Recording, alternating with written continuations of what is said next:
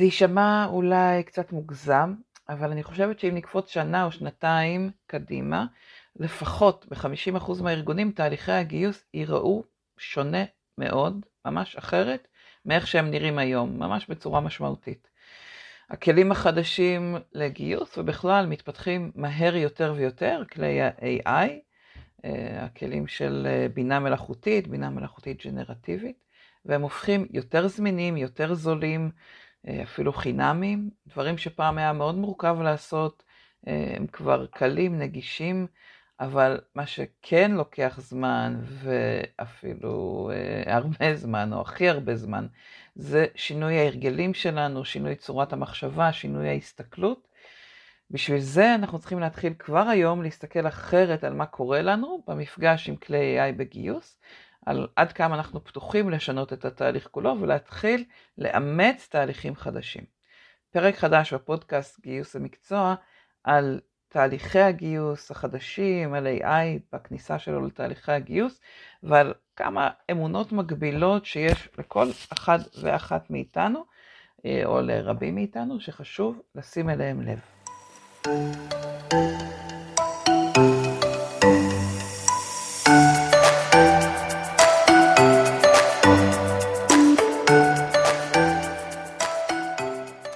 היום אנחנו ניכנס למה שקוראים לו ב-NLP Second Position. אנחנו ננסה להסתכל על עצמנו מהצד.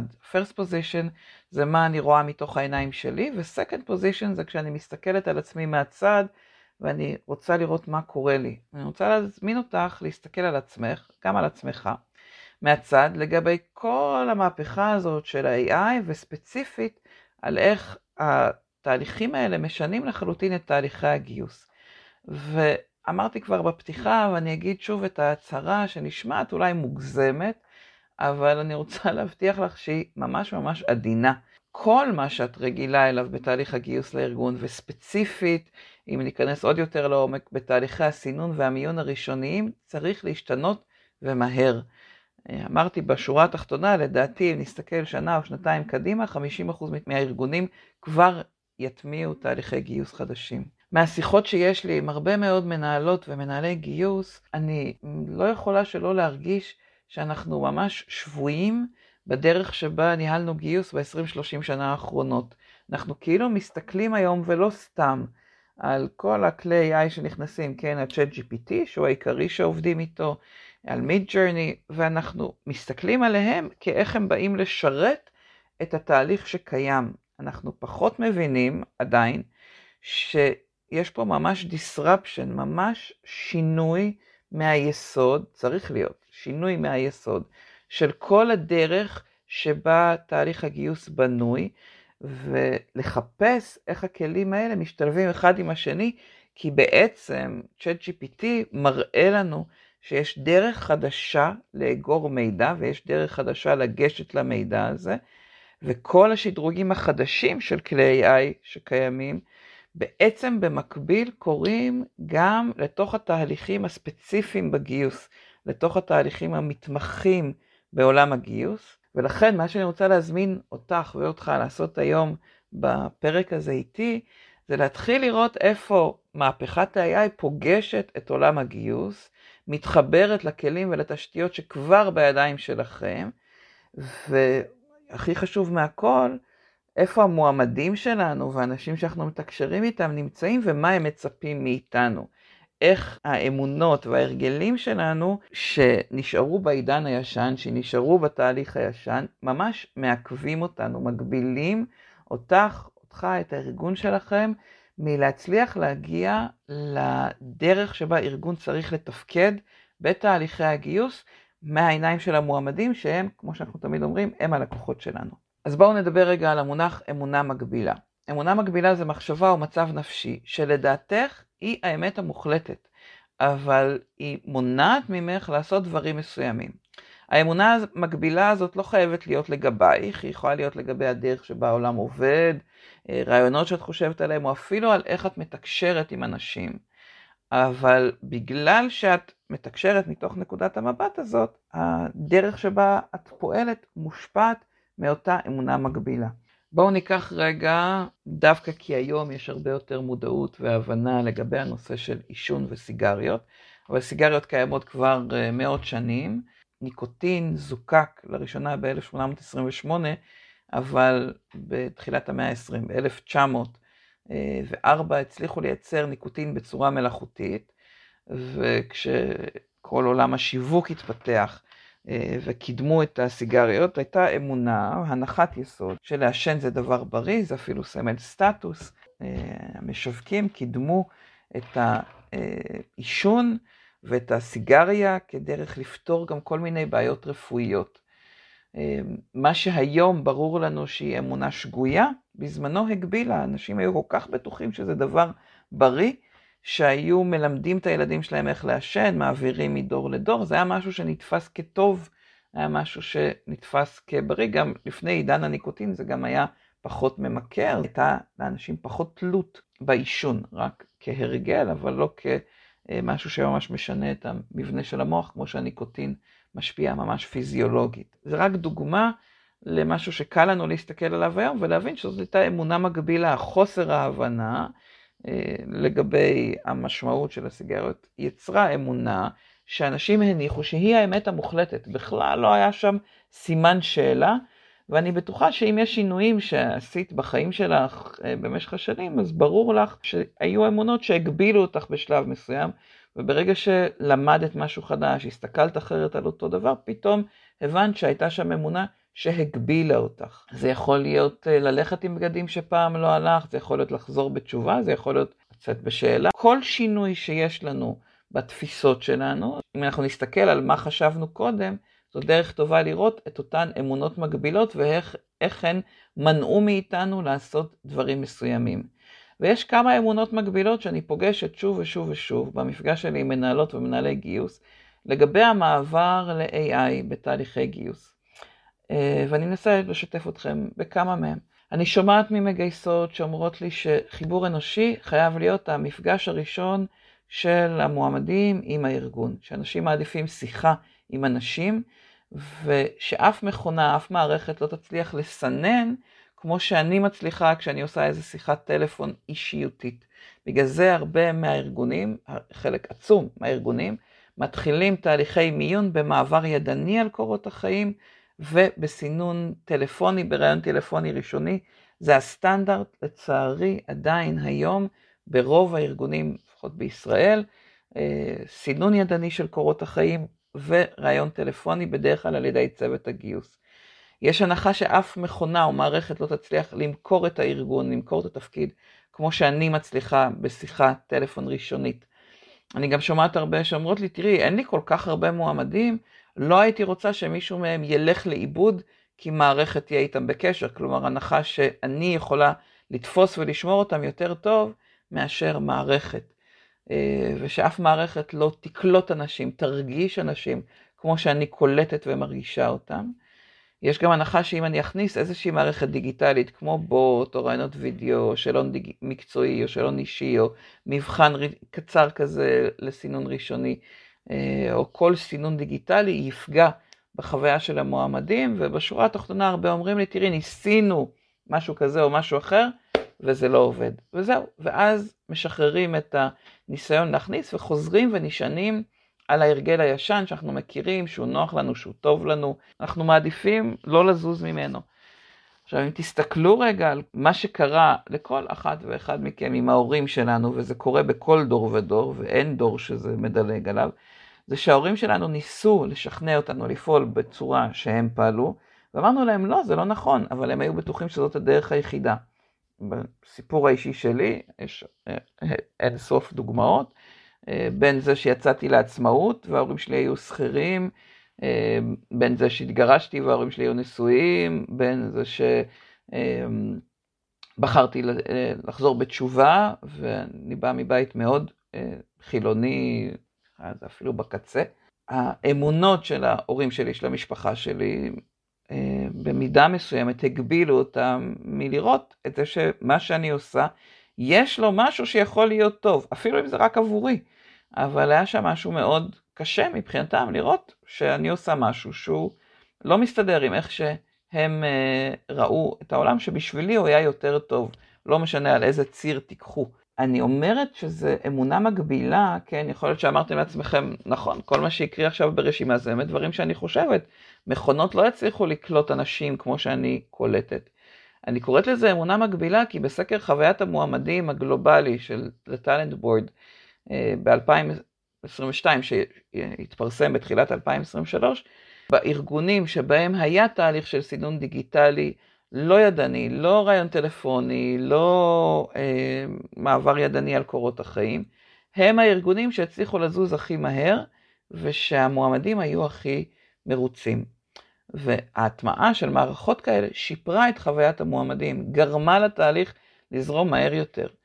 אני אחבר את זה לנתונים שממש השבוע קיבלתי מחברת פרדוקס AI, שמראים ש-38% מהמועמדים, ואנחנו מדברים על מיליוני מועמדים בכל העולם, כי פרדוקס משרתים אלפי ארגונים ש... ומנהלים שיח... אה, עשרות מיליוני שיחות במשך כל שנה עם אה, מועמדים. מראים ש-38% מהמועמדים פונים מחוץ לשעות הפעילות הסטנדרטיות של 9 עד 5.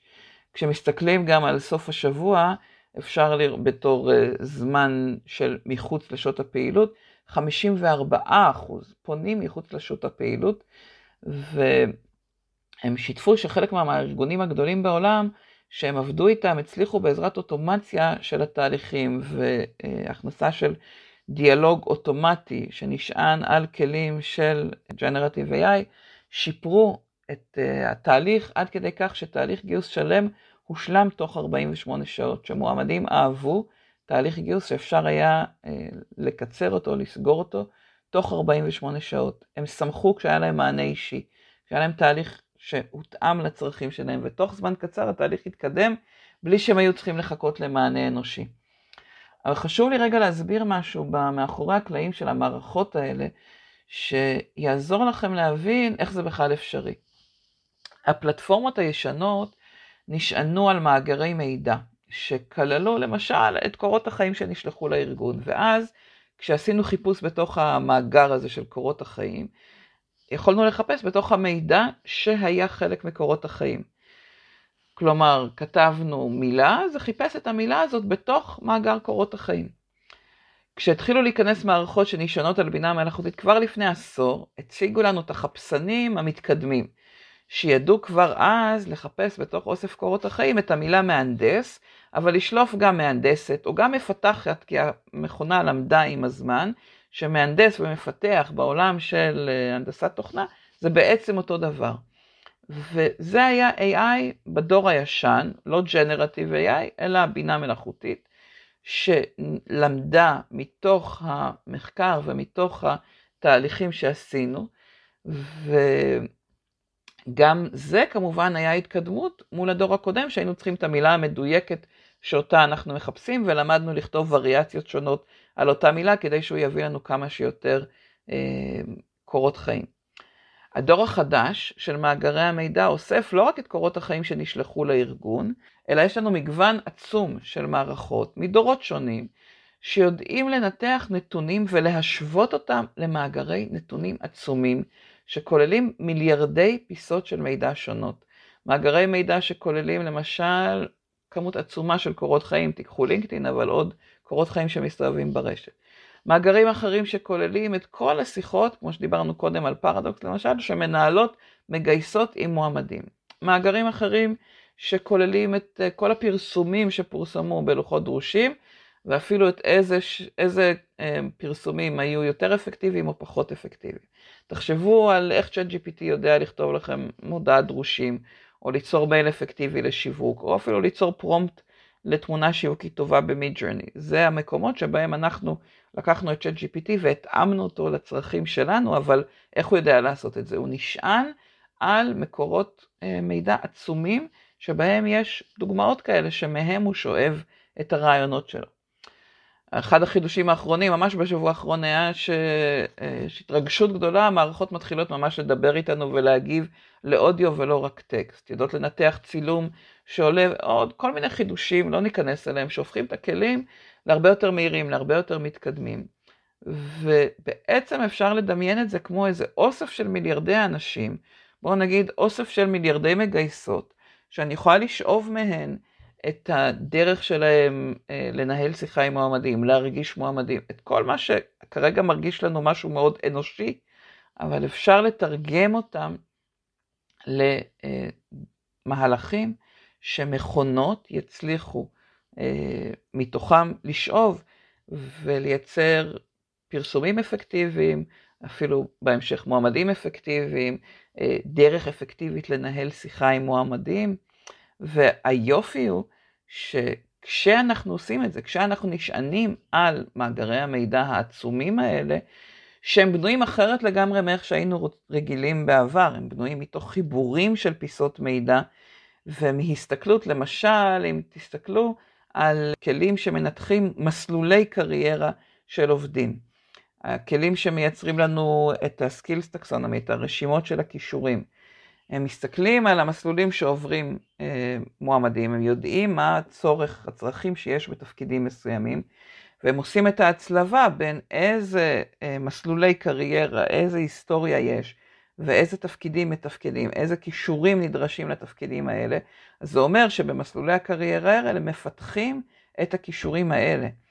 כלומר, יש פה ממש אה, עבודה של ניתוח של מיליארדי פיסות מידע ששום בן אדם, אף אחד מאיתנו, הכי הכי הכי אה, מתוחכם ו-informed, אה, מלא בידע שאנחנו יכולים לדמיין, לא יהיה מסוגל להכיל או לא תהיה מסוגלת להכיל כמות כזאת גדולה של מידע. היופי הוא שמועמדים, כמו שאמרתי קודם, אם, אם אנחנו עובדים נכון עם הכלים, שמחים לקבל את הפניות האישיות האלה, את הפניות המדויקות האלה, לקבל מענה מהיר, לקבל את האיזון הנכון בין מכונה שעונה לי, וכשיש משהו כבר שלא עובד טוב, רק אז מגיעים לבן אדם, לא הפוך, לא הבן אדם בתור שלב ראשון. למה לא בן אדם בתור שלב ראשון? כי זה יוצר צוואק בקבוק. ברגע שאנחנו משעינים את כל תהליך הגיוס שלנו על אנשים ששואלים שאלות מאוד בסיסיות, מתאים לך לעבוד בראש העין? מתאים לך לעבוד משמרות? מה ציפיות השכר שלך? מתי נוח לך אה, לעשות משמרות? כל מיני שאלות נורא בסיסיות שאין בעיה לנהל עם מכונה, עם בוט, ולפעמים אפילו יותר נוח להגיד לבוט את ציפיות השכר שלי ולנהל עם הבוט את הדיאלוג על זה, לשאול אותו את השאלות על זה.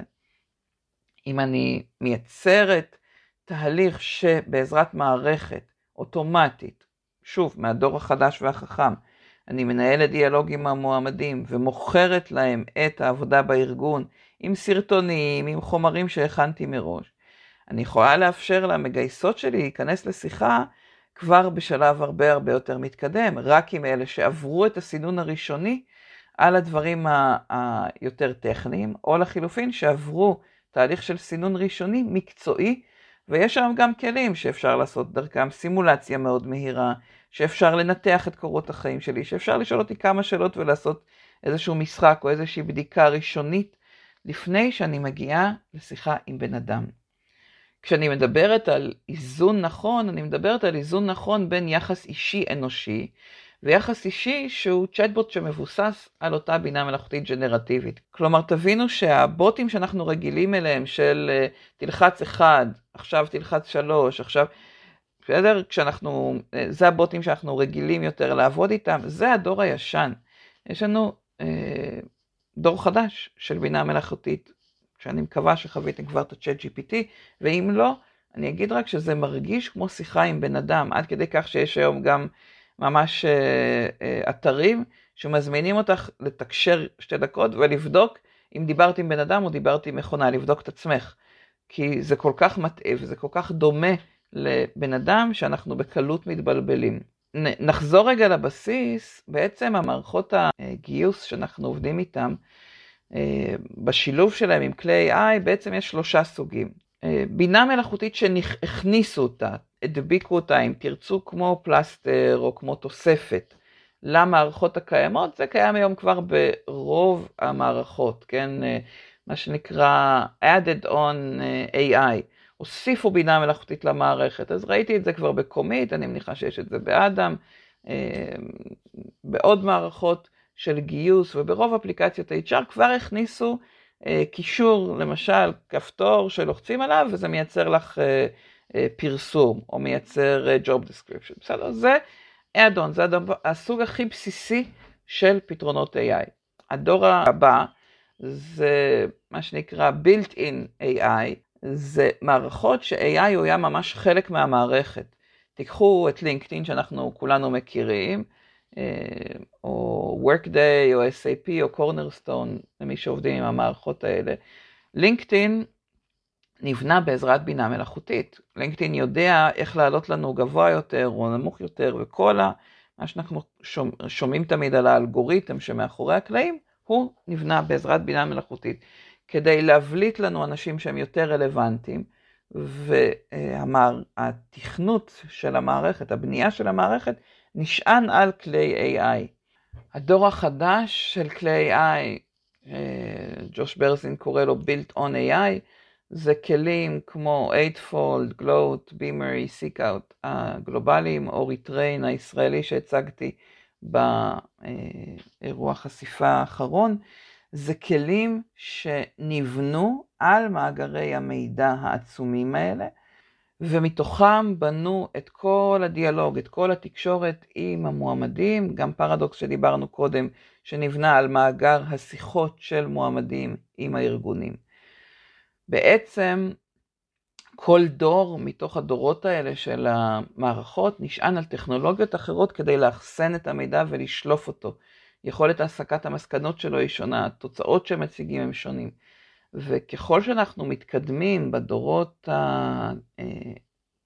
הטכנולוגיים, היכולת שלנו לנהל שיחה כמו אנושית, הרבה יותר מורכבת, הרבה יותר אה, אה, דינמית, עם המערכת הופכת להיות יותר ויותר אפשרית. כלומר, אם אנחנו נחזור לאמונות המקבילות שדיברנו עליהן כרגע, אם את ממש משוכנעת שחיבור אנושי חייב להיות לפני הכל, ואף מכונה לא תצליח למכור את הארגון, וגם ככה אה, אין אף, אה, לא הייתי רוצה לאבד את המועמדים, כי יש לי מעט מאוד. תשאלי את עצמך, אולי היום אני מאבדת יותר מועמדים, כי אני סומכת על זה שאני הבן אדם הראשון. אולי יש עוד מועמדים שרצו להגיש בלילה, או רצו להגיש בסוף שבוע, אה, ואפילו הגישו, ואחר כך הסירו את המועמדות, ואני אפילו לא ידעתי את זה. או שאם הייתה להם אה, אפשרות להגיש ולעבור איזה מבחן קצר, הם היו מגישים. אם הייתי אה, בונה את התהליך ככה שהם יכולים לעבור איזשהו תהליך ראשוני של בדיקת התאמה, שהוא דיגיטלי והוא לא תלוי בבן אדם, אולי זה היה מושך אותם. אולי אין לי היום הרבה מועמדים דווקא בגלל זה שאני לא עובדת עם הכלים האלה, ואולי אם הייתי עובדת איתם פתאום כן הייתי מצליחה. אם היה לכם הרבה תחלופה בארגון, אולי זה קרה כי לא עשיתם כזה סינון. אולי אם כן תעשו כזה סינון, האנשים שתגייסו יצליחו להישאר יותר זמן.